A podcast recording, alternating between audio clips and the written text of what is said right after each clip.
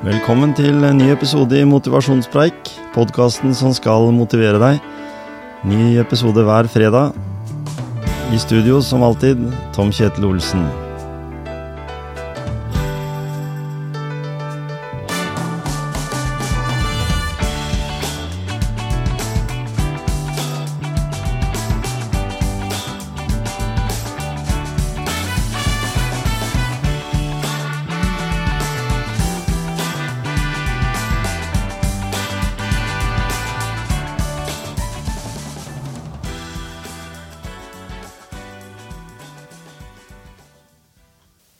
En ny episode med motivasjonspreik her, og i dag så har jeg fått uh, ikke besøk i studio, men uh, via vårt fantastiske telefonnett. Uh, Madeleine Skare Olsen, velkommen til motivasjonspreik.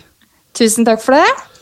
Det var veldig hyggelig og veldig, for meg, da, motiverende å få, få en beskjed fra deg om at du hadde lyst til å være med i, i podkasten. Det, det må jeg si. Ja, det er veldig, veldig, fint å kunne dele sin historie. Jeg har hatt en blogg i mange år hvor jeg har snakket om anoreksi. Mm. Og jeg tenkte at uh, det kunne vært veldig fint å, å, snakke om det, ikke bare skrive om det. Nei, så det, det, er gøy å kunne få gjøre det. For når du går på nett, så finner du jo den bloggen din, og den er tilbake fra 2010-2011?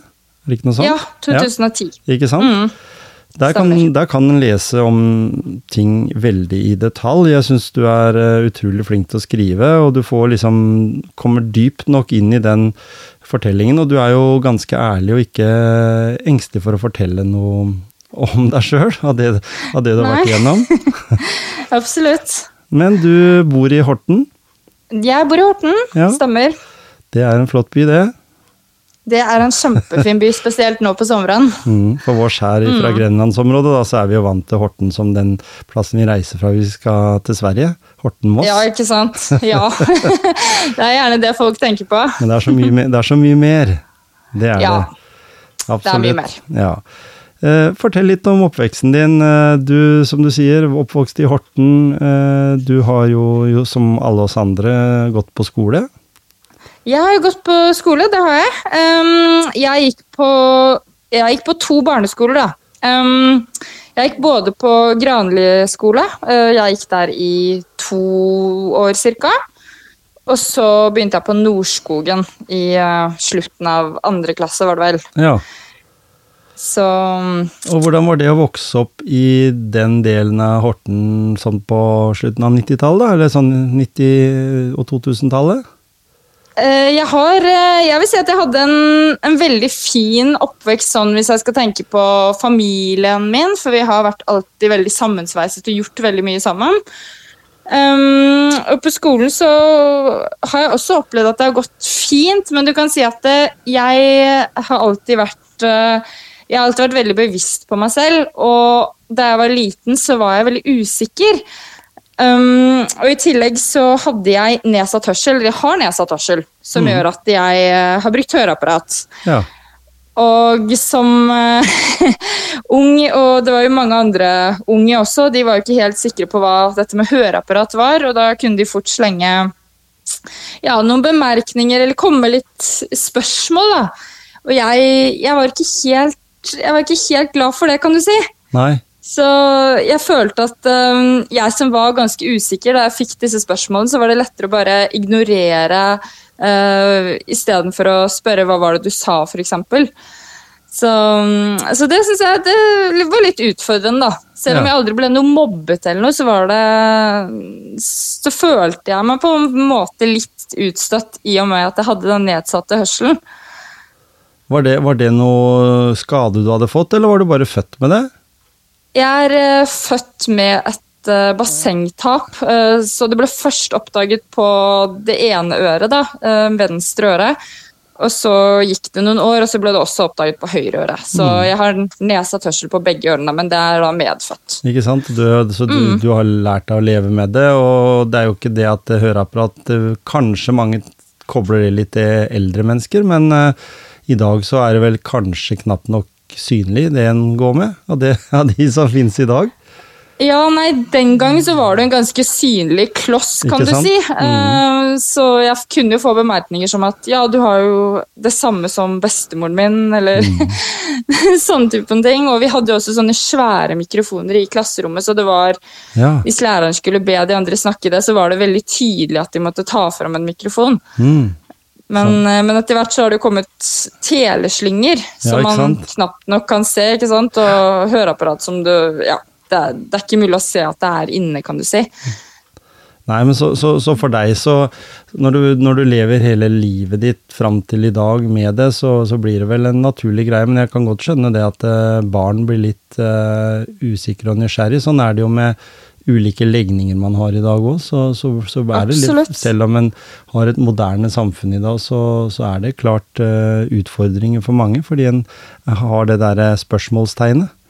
Ja, man har det. Mm, men du, du sier det at du har hatt det greit, du har vært en sammensveisa gjeng. Jeg ser jo det når vi går inn på sosiale medier, så kobler du ofte familie og, og deg sjøl til, til, det. Så, og det er jo veldig positivt, at en har hatt mm. en god støtte i, i familien. Men du ja. må nødt til å fortelle. Du har en blogg, uh, og den blogg. Uh, heter Kampen mot anoreksia. Ja, den, stemmer. Den har du hatt i mange, mange, mange år, som du nevnte. Men så tenker jeg eh, Fortell litt om oppdagelsen. Altså, det var, en, den, en, eh, det var, noe som skjedde med deg eh, og måten du tenkte på, som gjorde at det, eh, det skjedde noe med deg. Fortell. Ja, det var jo som sagt Jeg var veldig usikker eh, som barn. Um, og eh, det var ikke bare dette med høreapparat, men jeg var også veldig usikker på um, hvem jeg var og hvordan jeg så ut. Jeg veldig, tenkte veldig mye på om jeg skilte meg ut. Um, og da jeg så at jentene i klassen begynte å få former, uh, dette var jo rundt sjette klasse, mm. så, så, ble jeg livredd, for jeg ville gjerne bare bremse utviklingen og beholde denne ungjentekroppen. Så jeg husker jeg sa til foreldrene mine at jeg vil bare klippe av puppene mine hvis de kommer. Um, og jeg hadde ikke noe anstrengt forhold til mat og kropp den gang. Jeg tenkte ikke på slanking, men det var liksom da jeg fikk noen tanker i hodet som satte i gang en spiseforstyrrelse, på en måte. da. Eh, litt senere.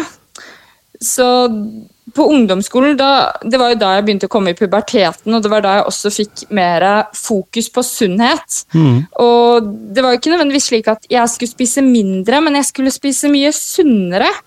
Uh, tilpasse kostholdet mitt slik at det besto kun av ren og naturlig og, og uprosessert mat. Mm. Så jeg innførte jo f.eks. havregrøt i frokost, selv om jeg ikke var noe frokostmenneske. Um, og så økte jeg gradvis treningen min, så til slutt så ble det litt mer en toppidrettsutøvers ut hverdag. Mm. Men um, ja. Og det ble jo Det kan du si, det var jo en ortoreksi, da. Det var ja. en overdrevet fokus på, på trening. Mm. Uh, ortoreksi er ikke noe Det er ikke en diagnose, men det er en spiseforstyrrelse. En type spiseforstyrrelse. Mm. Um, og derfra så oppdaget jeg jo at uh, selv om ikke denne kroppen min sto i fokus, så kom den i fokus fordi jeg så at trening og sunt kosthold det ga meg synlige blodårer, det ga meg en mer markert kropp, mer muskler. Og da, og da begynte også denne maten og Da begynte jeg også å tenke mer på at kanskje jeg burde spise mindre. Mm. Så jeg jeg kom utover um, eh, Hva skal jeg si? På videregående så var det mer Jeg fortsatte et sunnhetskjør. Men jeg ble mer um, opptatt av å telle kalorier og spise mindre. Men med det så fulgte jo også mindre muskler, så det var jo, det var jo litt sånn tosidig, dette her, da. Eh, jeg fikk ikke det helt sånn som jeg ville. Um, og så ble jeg bare mer og mer besatt og jeg ville bare mer og mer Du kan si Jeg fikk litt den tanken om at jeg måtte ned i vekt, selv om jeg har aldri vært noe spesielt stor. Men da ble det fokus på at jeg måtte ned i vekt. Um, og jeg fant også inspirasjon f.eks. i uh, blader hvor jeg så tynne catwalk-modeller. Jeg um, var så vidt innom en modellbransje hvor jeg ble utsatt for litt forskjellige målinger. Mm. Um, så jeg fikk veldig det gale fokuset da, eh, på vekt, og var mer inspirert av catwalk-modeller enn jeg var av idrettshelter. Og jeg husker pappa også viste meg bilder av anorektikere og spurte om jeg syntes det var pent, og, og jeg sa ja. ja. Så det var um, ja, for det, det, blir litt sånn uh, Du sier det at du spiste sunt. Det er jo ikke, mm. noe, jo ikke noe, dårlig løsning i seg sjøl. Absolutt ikke. Uh, på, forsøker du å motivere andre rundt deg til også å tenke på samme måte som deg, eller kjørte du et sånn one man-show? Det var et uh, one man-show. Det ja. var Jeg har alltid vært veldig sånn, flink pike, og her hadde jeg endelig funnet noe jeg hadde kontroll på. Jeg var veldig opptatt av at andre skulle se at jeg var flink. Jeg fikk et mm. stort behov for å bli sett. Um, og det var bare liksom den her følelsen med å være ren innvendig og, og fremstå sunn og frisk utenpå. Ja, det var vel litt sånn trend også, da. Mm. At det er sunn, frisk ungdom, og det det ville jeg andre skulle vite da, at jeg var. Mm. Men sånn, sånn, billedlig sett, eh, du sa det at du syns at da tynne anorektiske altså modeller som var veldig tynne, unormalt tynne sikkert, eh, ja. var fint. Eh, hvordan så du deg sjøl når du så deg i speilene etter hvert, som du sier at muskulaturen ble litt borte og, og, kroppen ble litt eh, spinklere på mange måter? Ja, ikke sant. Nei, det er jo det som er med en spiseforstyrrelse. Man ser seg jo selv mye større enn det man er. Mm. Selv om andre forteller deg at du er tynn, eller vekten viser at du er langt fra der du skal være. Så, så, jeg følte meg jo aldri tynn. Jeg så jo bare en stor flodhest hele tiden. Mm. Og det er jo den problematikken der, var det jeg ville fram til, for den er jo Eh, lik i begge ender, holdt jeg på å si. Også for den som er overvektig. Eh, Så ser man ikke det, fordi en blir så Altså en ser idealet, da, på en måte. Ja. Eh, ja. Og det gjør det jo ikke enklere, for du, du gikk jo så langt som til at du, du satte en målsetning på vekt og BMI mm. som skulle være mye lavere enn det som var eh, sunt. Altså vi kom over i den fasen av det at det begynte å bli helseskadelig. Ja. Mm. Stemmer. Eh, hvordan følte du da, altså når du så at eh, eh, Jeg leste på bloggen din at du hadde fått noen hint fra familie. Var det Stemmer ikke det? At jeg hadde fått Du hadde fått noen hint fra familie om at nå måtte ja. du ta tak i dette? Stemmer. Nær, altså, var... Familie som ikke var den daglige familien mm. som du omgikk deg med? Ja. ja, det stemmer. Jeg var Eh, familien min, min, min vanlige familie, si, vi, vi, som bor her, da, mm. Eh, de ser jo meg hver dag, så de ikke hadde ikke lagt merke til dette. For jeg hadde hatt på store klær og kom alltid med litt unnskyldninger på hvorfor jeg ikke spiste. Eller at de tenkte at jeg var normalt og sunn, om, sunn ungdom, da, kan mm. du si. Mm. Så det var jo da vi um, hadde broren min sin konfirmasjon i mai 2010. Uh, skal vi se mai, ja, mai 2010. At uh, den familien som Eller altså annen familie utenfra begynte å legge merke til at jeg var blitt veldig tynn. Ja. Um, og da tror jeg også min egen Da forsto mamma og pappa også at uh, nå var det Det var faktisk noe som stemte, da. Mm. Um, det var det. Hva, hva, hva, tror du om det? Altså nå, nå, ser jeg jo deg, nå ser jo det, du det fra din side nå, da, fordi nå har du jo på en måte fått avstand uh, fra det. Men, men hvordan uh, tror du foreldrene dine takla dette her? Altså, eller dere har sikkert snakka mye om det siden dere var en sammensveisa familie, men, men ja. det, er ikke, det er som du sier, de også ser jo ikke den der lille forandringen fra dag til dag. Eh, hvordan har det blitt sånn i etterkant, eh, nå når du på en måte jobba deg ut av den eh, anoreksiaen, da? Ja, altså der og da så tror jeg de følte seg veldig tatt på sengen, fordi de ble nok litt sånn Oi, shit, har ikke vi sett det her også? Mm. Og i etterkant så har jo pappa Han har jo sett tilbake på bilder f.eks. fra en eh, høstferie vi var på på Blefjell i 2009, mener jeg det var. Og da sa han at her burde jeg sett at du hadde et problem, for her var du mm. ganske tynn. Mm. Så det er jo veldig lett å si det i etterkant, uh, men uh, har, de har skjønt at det det burde de kanskje sett, men, men, igjen, da. De tenkte at jeg var en normal, sunn ungdom som Ikke sant? Ja. Og de vil jo Så bare det, var- beste for sine barn. Det er jo sånn De det er. vil jo det. Ja. Eh, fra du var i 16-17-årsalderen eh, Ja. eh, Det skjedde en god del ting. Mm. Mange kan jo lese om det i bloggen din også, men du blei Det gikk faktisk så langt som til at du blei tvangsinnlagt. ja. Det gjorde det. Eh, Hvordan følte du det? Var det et nederlag?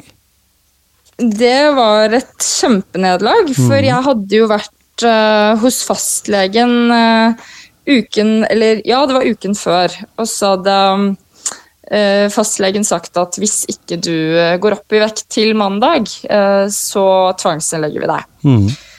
Og jeg tenkte jo at dette her er bare tomme trusler. Um, jeg hadde jo fått høre en del om frivillighet og sånt, og jeg hadde takket nei til det tidligere. Uh, så, og jeg tenkte at det her, det, det, det blir ikke noe ut av. Hun har jo tilbudt meg frivillig, så jeg kan jo sikkert bare takke ja til det hvis det blir noe, hvis det blir noe mer mas. Men så viste det seg det at jeg hadde gått opp 200 gram i vekt, og jeg var kjempefornøyd med det. Um, så jeg tenkte at ok, da kommer vi oss hjem i dag også, så, så går det fint. Men så viste det seg at fastlegen gikk ut på kontoret og tok en telefon. Eh, Vi satt bare på venteværelset og ventet. eh, Ante fred og ingen fare. Og så kommer fastlegen tilbake og sier rett ut at eh, nå tvangsinnlegger vi deg. Ja. Og da, da husker jeg at verden raste, altså. Da, jeg har aldri vært så sint noensinne. Og jeg har aldri sagt så mye stygge ting til et menneske noensinne. Um, det, det var veldig hardt, altså. ja, det vet For da, da visste jeg at eh, Jeg hadde jo akkurat uh, um, fullført Eller jeg var på en måte midt i eh, Hva skal jeg si? Jeg var eh, Jeg vet ikke, jeg, kommer ikke på det gode ordet. Men eh, nei, da Jeg skulle fylle 18 år eh, neste måned, og det var jo Ja. Jeg skjønte at selv om vendepunkt i livet, på en måte. Da, 18 år er Ja. liksom nesten et vendepunkt i livet for mange. Ja, det var det. Selv om jeg på en måte hadde blitt permittert fra jobb og skole og ikke fikk lov å gå turer og sånne typen ting egentlig hele den høsten, da. Så jeg hadde jo ganske mange restriksjoner. Så så jeg på en måte aldri den komme. Nei.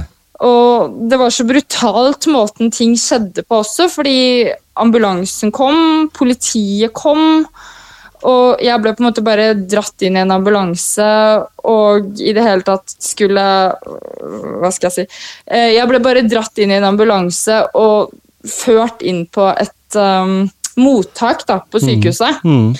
Hvor eh, mamma var vel med meg, men ikke inn på akkurat det, det undersøkelsesrommet. Men hun var med, hun var med i ambulansen, da. Mm. Uh, og da jeg kom på det mottaksrommet eller undersøkelsesrommet, så begynte jeg å stille meg masse forskjellige spørsmål og hadde sånne skjemaer om om jeg røykte, om jeg var gravid, om jeg drakk Alt mulig. Og jeg svarte bare nei på alt, for jeg var så, jeg var så sint. Og jeg hadde også sittet i ambulansen hele veien og klort meg selv helt ekstremt mye. Mm. Så det var jo også en slags start på en selvskading. Så det var, det var ganske brutalt. Det var det. Mm, og det, og det, som, det som skjer der i en sånn situasjon, det er jo at legen din eh, tvangs, tvangsinnlegger deg, og det, det skal være ganske gode grunner for å gjøre det, da. Blant annet så er det vel det at det, det definitivt er eh, fare for liv og helse. Så, Ja, du kan si, du kan si jeg ble jo ikke tvangsinnlagt den 29. november. Det skjedde dagen etter. mm, Men det som var, var at eh, min lege hadde sendt meg til en, en observasjon, kan du si, da, på sykehuset. mm, Så det var min lege som utførte undersøkelsen i forkant, og så var det legen på sykehuset som vurderte om vilkårene for tvangsinnleggelse var Mm. oppfylt. ikke sant? Eh, Men ja, det er veldig strenge vilkår, og etter, skal vi si, etter 2017 så ble det også innført et vilkår om at det må være manglende samtykkekompetanse. Mm. Så da hadde jeg kanskje Det har kanskje vært litt eh, enklere vurdering, men samtidig så Jeg var såpass syk at Ja. Vanskelig å ta egne avgjørelser på ting. Vanskelig å ta egne avgjørelser, absolutt. Men eh, du blei satt i en sånn situasjon som gjorde at du eh, følte at du fikk hjelp når du var innlagt på BUPA. Mm, på BUP. Ja. Um, det var i forkant av Det var i forkant av dette, ikke sant? Ja, Men så det var på en måte i i forbindelse med fastlegen. Ja, ikke sant? Men i det systemet du kom inn i nå, så kom du inn i, inn i sykehuset, du kom inn på en spesialavdeling, og du, Ja. du møtte kanskje mennesker som hadde samme problem som deg, men også spesielt kanskje personer som hadde god erfaring med den uh, problemstillinga du var i. Jeg skulle ønske det, Ja. eh, men det var dessverre ikke helt tilfellet. For jeg Nei. kom eh, på en allmennpsykiatrisk avdeling for voksne. Ok. Ja, da, Eh, Jeg var 17 år, så egentlig burde det vært en barneavdeling, men jeg kom på en eh, allmennpsykiatrisk for voksne. mm, Og ja, det var vel et par jenter eller noe som hadde anoreksi, men de var der kanskje en uke eller to. mm. Resten var 60-70-åringer med ganske sterke psykiske lidelser. Mm. Så for meg føltes det utrolig utrygt. Mm. Det Det gjorde det absolutt. Men, men du øhm, fikk øh, Altså da kom, kom på helt feil plass, det vil jeg jo si. Fordi når Ja. du kom på en sånn Jeg har jo jobba ungdomspsykiatrisk øh, selv, så jeg vet jo at øh, situasjonen er jo sånn at øh, det helst skal være unge mennesker der, og også kanskje også personer som er spesielt dyktige på akkurat det med spiseforstyrrelser og unge menneskers øh, psykisk helse, da. Istedenfor Ja, absolutt. eldre, eldre personer som kanskje har vært igjennom et langt tidsløp med både det ene og det andre. Så, så det, Ja. det, det virka liksom litt som feil. Det blir som å sende en øh, frisk person på et sykehjem, nesten. Ja, det, vi var jo nesten litt på det, kan du si. Så, og jeg var jo der i over tre måneder også, så jeg var jo også på overtid i forhold til hva som var gjennomsnittet på den avdelingen, da. Mm. Så Nei, det var, det var helt feil plass. Det var det. Så Men vendepunktet, da? Når kom det?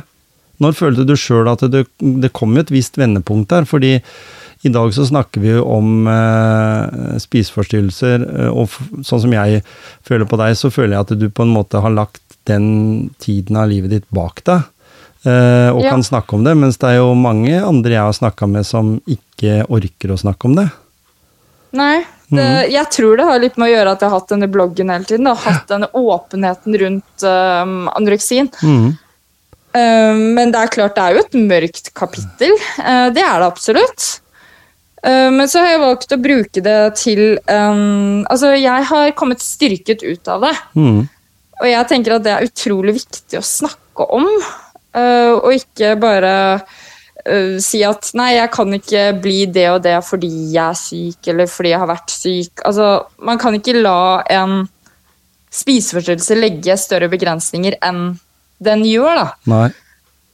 Ja, det, Det er jeg veldig det- opptatt av. Ja, for det, det at du har en åpenhet, eh, mener du at det kan være en, eh, en faktor for å Fordi i og med at vi er i motivasjonspreik, da, at det kan være en eh, faktor vi kan fortelle andre unge som vokser opp i dag? At, eh, at den på en måte At det er viktig å prate om det?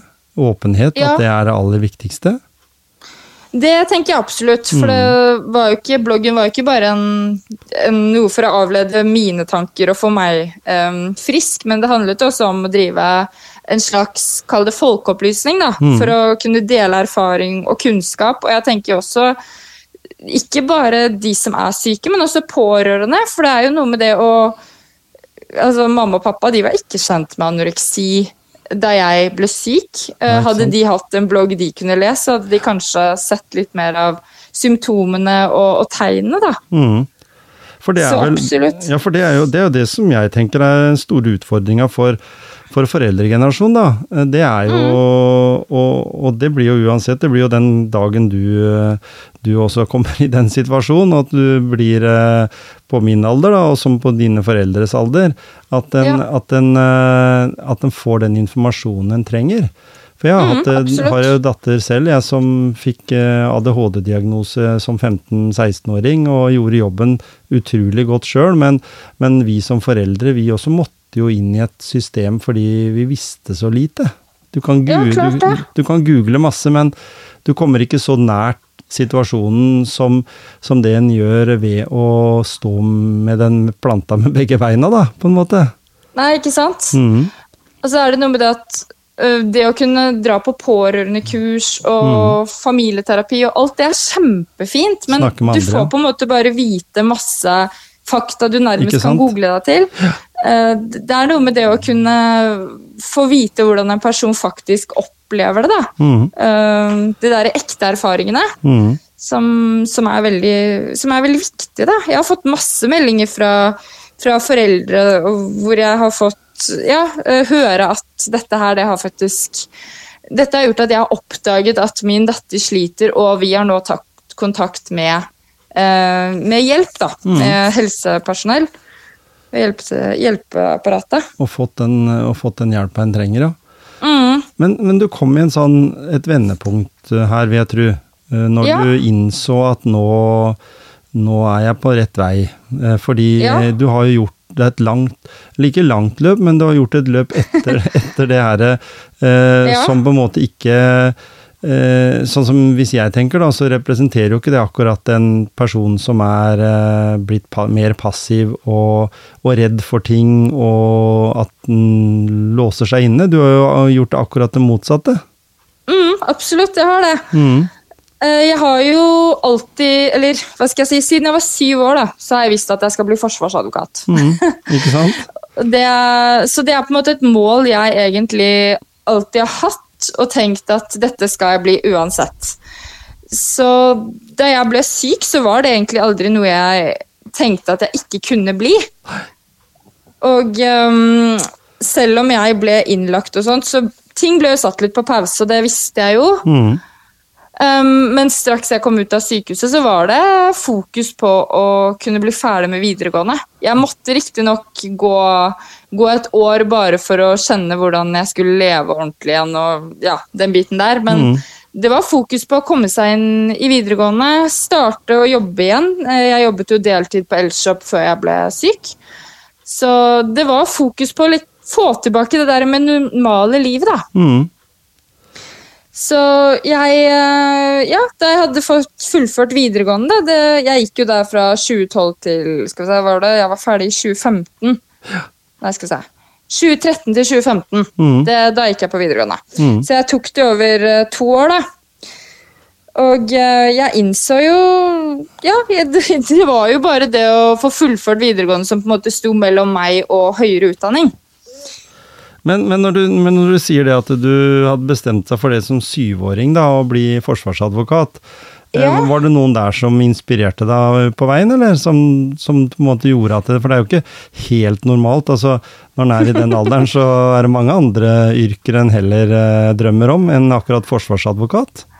Ja, det kan du si. Um, eh, jeg har jo alltid vært veldig opptatt av eh, rettferdighet. Mm. Um, sånn alt fra jeg var hva skal jeg si, Da jeg var liten, altså, la jeg veldig lett merke til hvis det var uh, urettferdig, hvis jeg opplevde at noen fikk mer godteri enn meg, eller noen fikk en uh, finere spade enn meg. Altså, bare sånn Barn legger merke til alt mulig, og jeg var veldig sånn som observerte ting. Så rettferdighet har alltid ligget i meg. Men akkurat det med forsvarsadvokat, så var det faktisk sånn at jeg bare så på nyhetene at det var noen som hadde blitt uskyldig dømt. Mm. Eh, Det fikk jeg med meg, og jeg tenkte at dette her, det, det godtar ikke jeg at skal skje. på en måte. Jeg vil være med å forhindre at slike tilfeller skal, skal forekomme. Mm. Jeg syns det var så grusomt å høre om, rett og slett. Så etter det så tenkte jeg at eh, jeg må da finne en mulighet jeg kan eh, få til å Hva skal jeg si forsvare, forsvare de som er, eh, er tiltalt, da. Mm.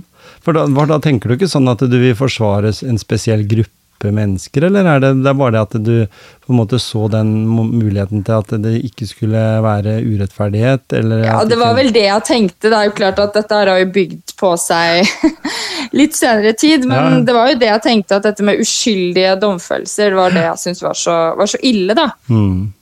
Og liksom, jeg husker Jeg bare tenkte, her har ikke han gjort det, og så skal han Ja, så har han vært i fengsel i så mange år. Mm. Det, det syns jeg var så ille å høre, da. Og, den, og det justismord og sånne ting, det vet vi jo er eh, ikke helt uvanlig, men, men jeg tenker at eh, Det er jo ganske langt løp, da. Å bli jurist og, og, og, gjøre den jobben. Det, det, er ikke gitt en person en gang som ikke har vært igjennom det du har vært. Blei du, ble du sterkere av den tiden du på en måte måtte bygge det opp igjen? Ja, det vil jeg si. Jeg fikk jo, jeg fikk jo møte meg selv litt på et annet nivå, vil jeg si. Ja. Um, jeg har jo gjennom sykdomsperioden lært å få litt mer kontakt med følelsene mine. Mm. Så jeg, jeg, møtte nok en litt annen person. Ja. Uh, det gjorde han nok helt klart. Jeg skjønte jo at uh, jeg skal faktisk uh, gjøre det som er viktig for meg. Mm. Og uh, ja, det var, det var, en veldig annen person jeg møtte da. Altså, det var det. Du, du, har sagt om deg sjøl, eller i hvert fall så har jeg funnet ut at du sier om deg selv at du er positiv, at du er sta, utadvendt mm. og målbevisst. Mm. Jeg vil jo si det at du er ganske så målbevisst, da, fordi du setter deg på en måte deg sjøl eh, egentlig litt sånn opphøyd fordi du, du er, er, opptatt av å ta utdanning. Ja. Du har jo allerede hatt en fot innenfor at du har jobba deltid ekstra. Det er mange som faller av studien underveis mm. uh, på mange måter. Uh, ja. Mens du jobba skikkelig på fordi det var bare en uh, måte å tjene litt penger på, og så skulle du i tillegg bli noe. For det ja, er jo det absolutt. vi trenger nå å vite blant yngre mennesker, da, hvis en ser det sånn, at det er veldig mange som hopper av studier fordi de syns det blir for heftig. Eh, men så er det ikke ja. nok jobber der ute eh, som er godt nok betalt. Nei, ikke sant. Mm. Eh, jeg har alltid vært veldig veldig glad i skolen, så det har jo også vært det som har gjort at jeg vil utdanne meg mer. Mm, ikke sant? Så, ja. Så det, så det at du da eh, er en snev av perfeksjonist, det er jo helt ja. klart. Mm.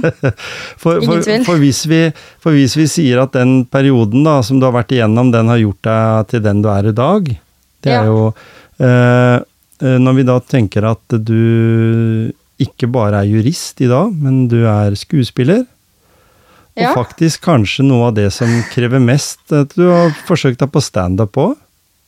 Ja, jeg har forsøkt meg på standup. Jeg har mm. det. Ja. Hvordan har det gått? Hvordan var den følelsen, da, å være juristen som gjør standup? Ja, ikke sant. Hvordan gikk det til? ja. uh, nei, altså, jeg har jo merket mens jeg studerte juss Altså, jeg har elsket å studere juss, det er ikke noe tvil om det. Nei.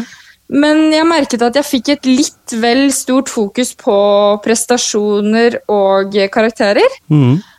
Så jeg kjente litt etter det at da jeg ble ferdig å studere juss i Det var 26. januar i 2023, i år, ja. at Jeg vet ikke, jeg følte meg litt tom. Jeg følte at nå har jeg nådd målet. Og hva nå? Mm. Jeg kjente at jeg skal gå inn i en jobb, ok, men da skal jeg bare gjøre ting jeg er god på. på en måte. Ja, ikke sant? så, jeg hadde, ja, så jeg hadde litt lyst på å bare gjøre noe annet. Kjenne på at jeg kan faktisk bruke andre sider av meg selv. Da. Bare være Gjøre ting hvor det er nok at det bare er meg, da. Det, mm. Så jeg skjønte at um, Hva skal jeg si? Um, Men er, er, du 100 Madeleine på scenen? Altså når du står standup, eller? Er det en eh, rolle du går inn i? Det er 100 eh, Madeleine. Ikke sant? Det er det. Men det er jo klart at du Måten jeg sier det på, det er jo Nei, det er, det er 100 mine historier. Mm, det er det. Men, men, hva er det som Hva er det på en måte du henter opp? For jeg, jeg ser jo på det sjøl som en, å være en standup. Det er jo liksom en, en naken mm. versjon av det å være skuespiller, da, hvis en kan si det på den måten. Fordi du, du må bruke elementer fra egentid, altså deg sjøl. Eh, ja. Du må være litt eh, ukritisk, du må på en måte eh, skyve til side, kanskje. For, for, en del av de som, som, vet at du er på scenen, og du, du, du er, skulle være det i, i, distriktet der du har vokst opp, så vet de jo også at du har vært igjennom den uh, den turnen som du har vært, da. Ja, ikke sant? Hvordan, hvordan, hva, hva, bruker du, hva slags elementer bruker du i, i standupen for, for å bli kjent med publikum? Eller at de skal bli kjent med deg? Um, det jeg gjør, er jo å svære Jeg går jo ganske dypt, vil jeg si. Um, jeg begynte jo å snakke om dette her med at jeg er jo Jeg er jo jurist, men uh, for tiden så driver jeg med statist og skuespill og nå standup. At det er, det er, en liten identitetskrise, kan du si. Mm. Uh, men det skyldes også at jeg har et stort oppmerksomhetsbehov, og så er det jo videre det at um, Ja jeg, jeg, prøver på en måte å grave, uh, grave litt dypt, da. Mm. Kan, kan, jeg si jeg det så, kan jeg si det så at du i utgangspunktet så er du en toppidrettsutøver. Men at ikke ja. du bedriver idrett, da. Men at du på en måte har den profesjonaliteten i måten din å være på. At du er uredd, du er uh, sta, målbevisst, uh, perfeksjonist. Altså alle de Absolutt. elementene som skal til. Men, men, i dag, som da en 30 år uh, gammel dame, da, mm. eller ung dame, hva en skal si, ja. så, så, er du opptatt av å, å presentere deg sjøl som den du er i dag, på en ja, ukritisk måte, kanskje, for deg sjøl, men at du skal skape litt uh, liv og latter og, og alt rundt deg. ja. og, og, sånn. og, det å være skuespiller, det er jo også uh, jeg, jeg, tenker sånn i utgangspunktet med min kompetanse, da, at du gjennom det å være jurist, så skal du stå framfor uh, en person som som, mm. har, har, eh, som, du skal forsvare, da, hvis du sier at du gjør en sånn jobb, ja. eller du skal uh, være da overfor en jury, eller du skal være overfor et publikum i en rettssal, så må du jo uh, lære litt den derre skuespillersettingen også, fordi ja. uh, det er ikke så ulikt. Du står liksom Nei. litt på scenen der òg. Ja, men det er nettopp det, og jeg har jo hatt litt sånn fiktive rettssaker i, uh, i Hønefoss. Og så mm. har jeg også hatt en uh, prosedyreskole som jeg deltok på i Oslo. Ja. Og det er jo klart at det er mye skuespill i det å prosedere saker. Det er, det er Man tar jo litt avstand fra den man er, for det er jo ikke jeg kan jo ikke legge mine meninger inn i det. Jeg må jo følge loven og mm. på en måte presentere det jeg har. Um, og knytte opp mot faktum, da, og rettsregler. Ja, Så det er ikke så rart at det er laga veldig mye TV-serier om akkurat den uh, prosessen som skjer inne i rettssaken, rett, rettssalen. Uh, Nei, ikke sant? Og, og at, det, at, det, er populært å, å følge en rettssak fra A til Å, på en måte. Ja. Fordi det er så mange elementer her. Det er nettopp det det er. Mm. Så ja, det er nok absolutt noe av det som, som også har gjort at jeg vil dra fram det skuespillergenet, kall det det. Mm. Hva, hva, tenker du om uh, Hva kan være en, en, motivasjonsfaktor da for andre der ute, som, som jeg nevnte litt i stad, uh, å tenke en, en, i en litt annen retning da, enn å havne i den fella som du gjorde, på en måte, da, hvis en skal si det sånn at du, at du ikke ser deg sjøl lenger uh, som den du egentlig er. At du, du kan korte inn det. For, for, for, du har jo måttet bruke mye tid. Altså du har måttet uh, sette mm. livet ditt på vent.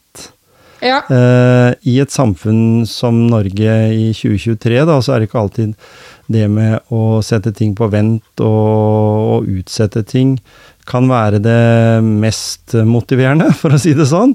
Noen, Nei, vil, kanskje, noen vil kanskje skynde seg i det tempoet som samfunnet forventer deg, da. Eh, ja. ville, du, ville, du, sagt til en, en, yngre person da, som på en måte er i begynnelsen av 20-åra, eh, som tenker litt som det du gjorde, eh, at, eh, at det ikke gjør noe å bruke litt tid, eller? Det vil jeg absolutt si, for det, man blir jo Altså, jeg har blitt bedre kjent med hva jeg vil og mine, mine ønsker da, ved å bruke litt tid, men det er jo mhm. klart at det er jo litt ufrivillig at livet mitt ble satt på vent. Ja? Jeg, jeg hadde jo alle disse årene etter tvangsinnleggelsen som jeg egentlig bare gikk og surret med deltidsjobb og, og litt venner, og så fullførte jeg videregående. Jeg det, det, tok litt mer tid enn, enn det hadde trengt å ta. Mm. Så, så, jeg er ikke veldig glad for at det tok sånn tid, men det er jo klart at jeg har nok uh, blitt litt mer voksen og litt mer uh, reflektert rundt hva jeg vil. Mm. Så jeg tror absolutt at det, at det ikke er dumt. Og så tenker jeg at det, det å finne ut at mestring ikke bare skal skapes av uh, toppkarakterer, men av bare ja, av meg som person, da, hvor man kan utvikle seg og møte utfordringer. Mm. Uh, og kanskje tenke at det er viktig å ha det eller altså Det viktigste er å ha det bra med seg selv, mm. først og fremst. Ja. For det, det er liksom altfor mange av oss som følger uh, samfunnets normer og forventninger i håp om at det skal gi en slags uttelling, men så tenker jeg at det, vi må jo kanskje oftere stille oss et spørsmål om hva vi selv oppnår. Nemlig. Og tenke at det er jo jeg som skal leve med de valgene jeg tar. Så skal jeg nå bli forsvarsadvokat fordi samfunnet forventer av meg, eller kan jeg vente litt og heller ja, gjøre noe annet i mellomtiden? Altså, Planen er å bli forsvarsadvokat, det målet er ikke endret. Men jeg vil gjerne gjøre noe annet i mellomtiden da, før jeg mm. når det målet. Og, og, det tenker jeg må være helt greit. Ikke sant? Og du, og du blir kanskje en bedre forsvarsadvokat òg, med de valgene du gjør nå? Ja, mm. det, det, tror jeg absolutt. For jeg får, jo, jeg får, jo, testet litt andre sider av meg selv. Jeg har jo alltid sagt for at jeg ikke er en kreativ person. Mm. Men så hopper jeg plutselig ut i skuespillerbransjen, og jeg oppretter TikTok og begynner med standup og bare gjør ting som krever mye mer av Ja, hva skal jeg si? Som gjør at jeg må få til noe fra scratch, da. Mm jeg får liksom ikke bare alt servert slik at jeg skal gjøre noe ut av det. Jeg må faktisk ja, starte selv. Mm. Det, det, er jo litt uvant, men jeg, jeg syns også det er veldig fint, da. Åssen er det forholdet ditt til trening i dag? Eh, jeg vil si at uh, jeg har ikke noe Jeg har ikke noe sånn fanatisk treningsforhold, jeg har ikke det. Um, og uh, hva skal jeg si, jeg har aldri vært noen som, som flyr på treningssenteret. Det har jeg ikke. Så det blir kanskje litt jogging eller noen gåturer, den ja. typen ting. Men ikke noe hvor jeg teller kalorier eller eh, regner på Ja, hva skal jeg si. Jeg tenker ikke hvor langt jeg har beveget meg, da. Nei, ikke sant. Og du har lagt, Men, og du har lagt den forhistorien så langt bak deg at eh, hvis jeg spør deg da om eh, hvilket forhold har du til mat i dag? Forholdet mitt til mat er ja. Eh, jeg vil si, det er eh, Jeg har jo ikke noe problem med det, men det er klart at de fleste vil nok karakterisere meg som kresen og småspist fortsatt, men sånn var jeg også før jeg ble syk. Ikke sant? Så, så jeg har på en måte nådd tilbake til de matvarene jeg kunne spise før jeg ble syk, mm. og da tenker jeg at da, da er det greit. Det kan du leve med. Ja. Det kan jeg fint leve med. Uh, og du har et voksent, uh, og du har en voksen måte å tenke på, syns jeg, da, i forhold til uh, at du har lagt disse tingene bak deg. Ja, absolutt. hva vil du si kan være en, en, viktig motivasjonsfaktor for andre, da?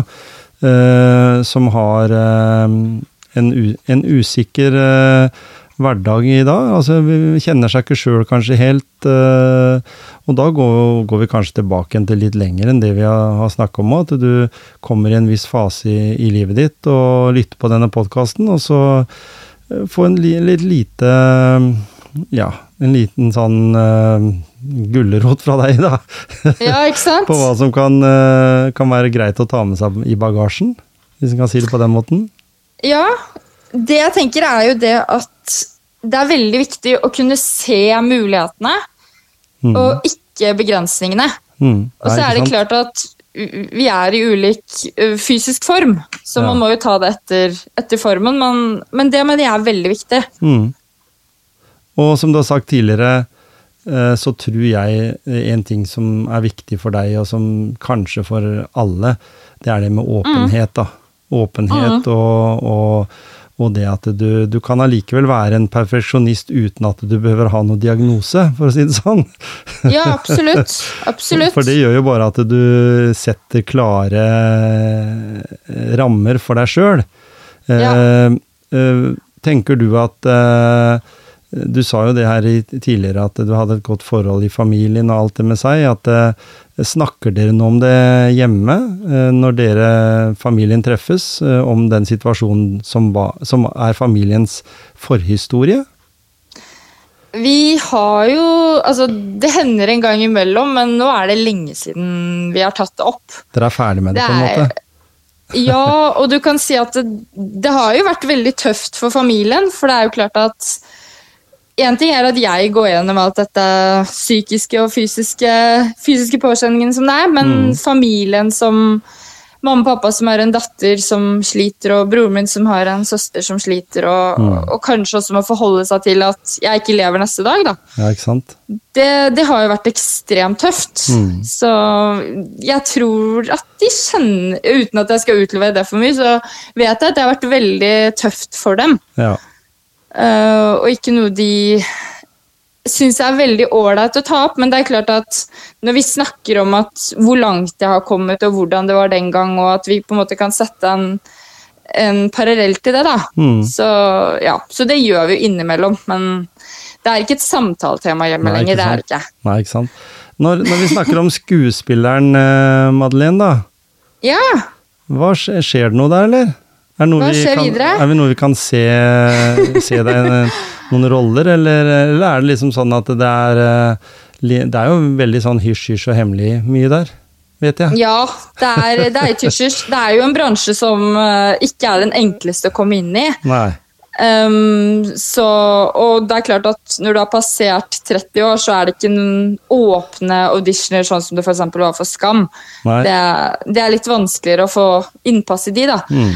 Men det er jo foreløpig mest reklamefilmer og sånn. Ja. Um, og så er det ikke kommet ut noe foreløpig som jeg kan si så mye om, dessverre. Nei da, men det Men det, men det jeg kan si Ja, kjør på. det kan, ja, det jeg kan si, det er jo det at uh, jeg skal uh, fortsette å utvikle meg som skuespiller. Mm. For jeg har uh, Jeg søkte litt opp et utdannelse innen skuespill, og da kom jeg opp denne ettårige utdannelsen ved Danvik folkehøgskole.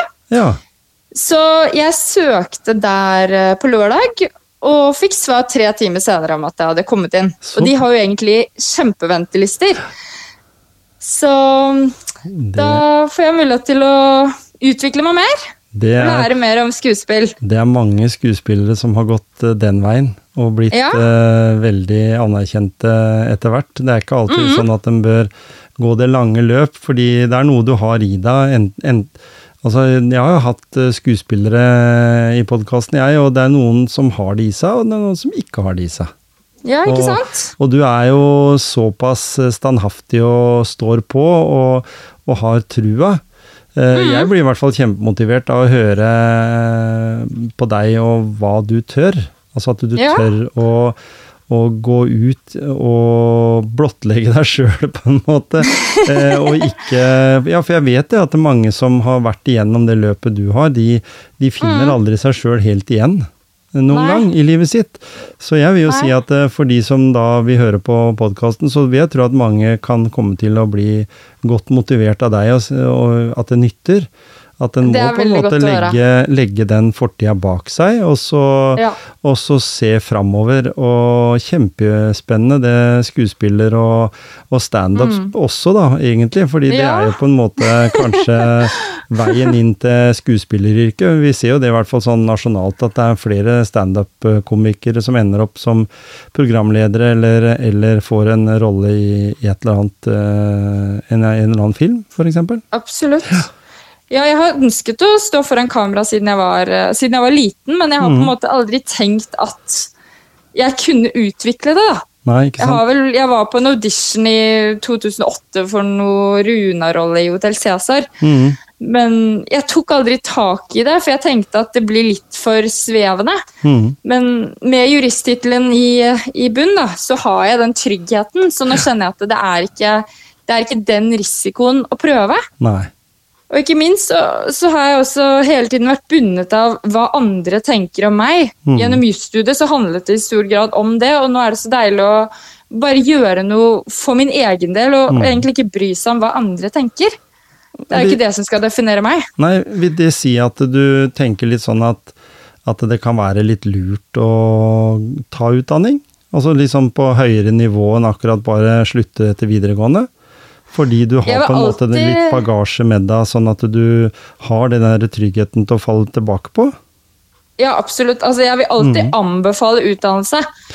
Men om man ønsker å reise et år eller jobbe eller altså det er på en måte litt likegyldig, men mm. det er alltid viktig å ta en utdannelse. Det, det, vil jeg si. Vi så jo også det i pandemien, og at de som hadde en utdannelse og de som hadde faste jobber, det var jo de som også sto best i det. Mm. Så for, det, utdannelse er alltid lurt. Ja, For du sto midt i det, du? Jeg tenker sånn Avslutningsvis, la oss høre litt om hvordan det var å være student i den tida. Ja, det, det, var skikkelig tøft, fordi som jeg sa til deg, så har jeg alltid vært veldig fokusert på studier. Mm. Um, og da fikk jeg plutselig all verdens tid til å sitte med studier.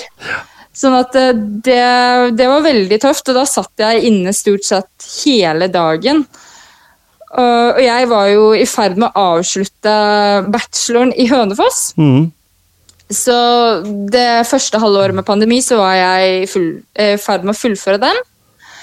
Og så skal jeg begynne i København da, for å full, eh, starte på en master. Mm.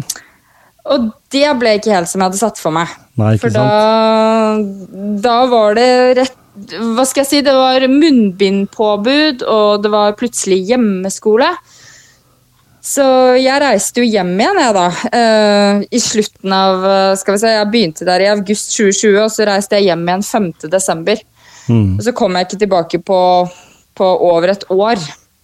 Nei, for Vi snakker om at den fikk et nærere forhold til Teams enn den fikk til uh, andre medieelever kanskje? Ja, det, det, gjorde man. Og det var for så vidt fint å lære via Teams, men det var, eh, skapte en ekstrem distanse. Mm. Og jeg skulle gjerne ønske at jeg kunne være litt sosial i København. Lære det danske språket litt bedre. Så det første året det ble ikke helt det for min del. Men, eh, men det kom seg heldigvis da jeg dro tilbake igjen, da.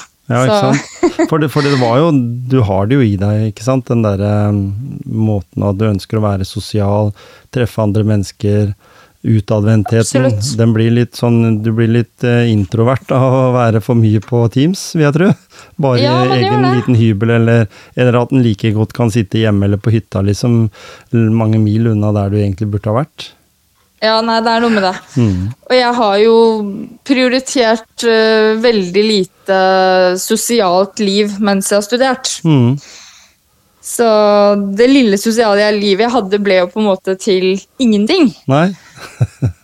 det, det, skjønner jeg. Huff a meg. Det, ja, det, meg, nei, det er ikke så enkelt. Nei, det er nok mange som har vært i din uh, situasjon der, og at det ja. har skapt mye frustrasjon, ensomhet og og at den har blitt eh, ja, Mange har kanskje hoppa av studier også. Ganske flinke. Ja, jeg tviler ikke på det. Nei. Men du har stått i det? Ja, jeg, jeg, har, jeg har, stått i det. jeg syns vi har fått snakka mye om uh, din situasjon. Jeg syns vi mellom linjene her og masse motivasjon folk kan finne som, som lytter på podkasten, og jeg syns jo det er kjempeinspirerende. Og, og nå skal mm. jeg i hvert fall sette meg ned og så skal jeg følge med når jeg finner deg på ulike, i ulike roller. Fordi jeg er helt sikker på med ja. den eh, pågangsmoten du har, som, som, jeg sier er nesten som å føle at du er en toppidrettsutøver, egentlig. Eh, fordi du ja, er såpass eh, målbevisst og, ja. Og, og sånn. Så, så, om ikke det, så vet jeg i hvert fall at skulle jeg gjøre noe gærent en gang, så kanskje du får en telefon fra meg, for jeg trenger en forsvarsadvokat òg. ja. ja, men det, jeg får håpe jeg ikke får det, da. Nei, jeg, jeg, pleier si på, jeg, pleier å si på standupen at uh, jeg er ikke her for å rekruttere fremtidige klienter. Nei, ikke sant? Det høres veldig riktig ut, og når jeg har levd såpass lenge som jeg har nå, og holdt meg unna sånne ting, så skal jeg vel greie de siste åra igjen nå, vil jeg tro. Ja, vi får satse på det. tusen hjertelig takk for at du ble med i Motivasjonspreik. Kanskje tar vi opp eh, tråden i en gang litt seinere, når eh, du har gått eh, ferdig en folkehøyskole og fått enda mer teater under huden? Eller skuespill? Ja, ikke sant? Ja. Ikke sant? Så, det, blir, det, får vi håpe i år. det, det, er veldig bra. Tusen takk ja. for uh, at du ble med i Motivasjonspreik. Jo, tusen takk.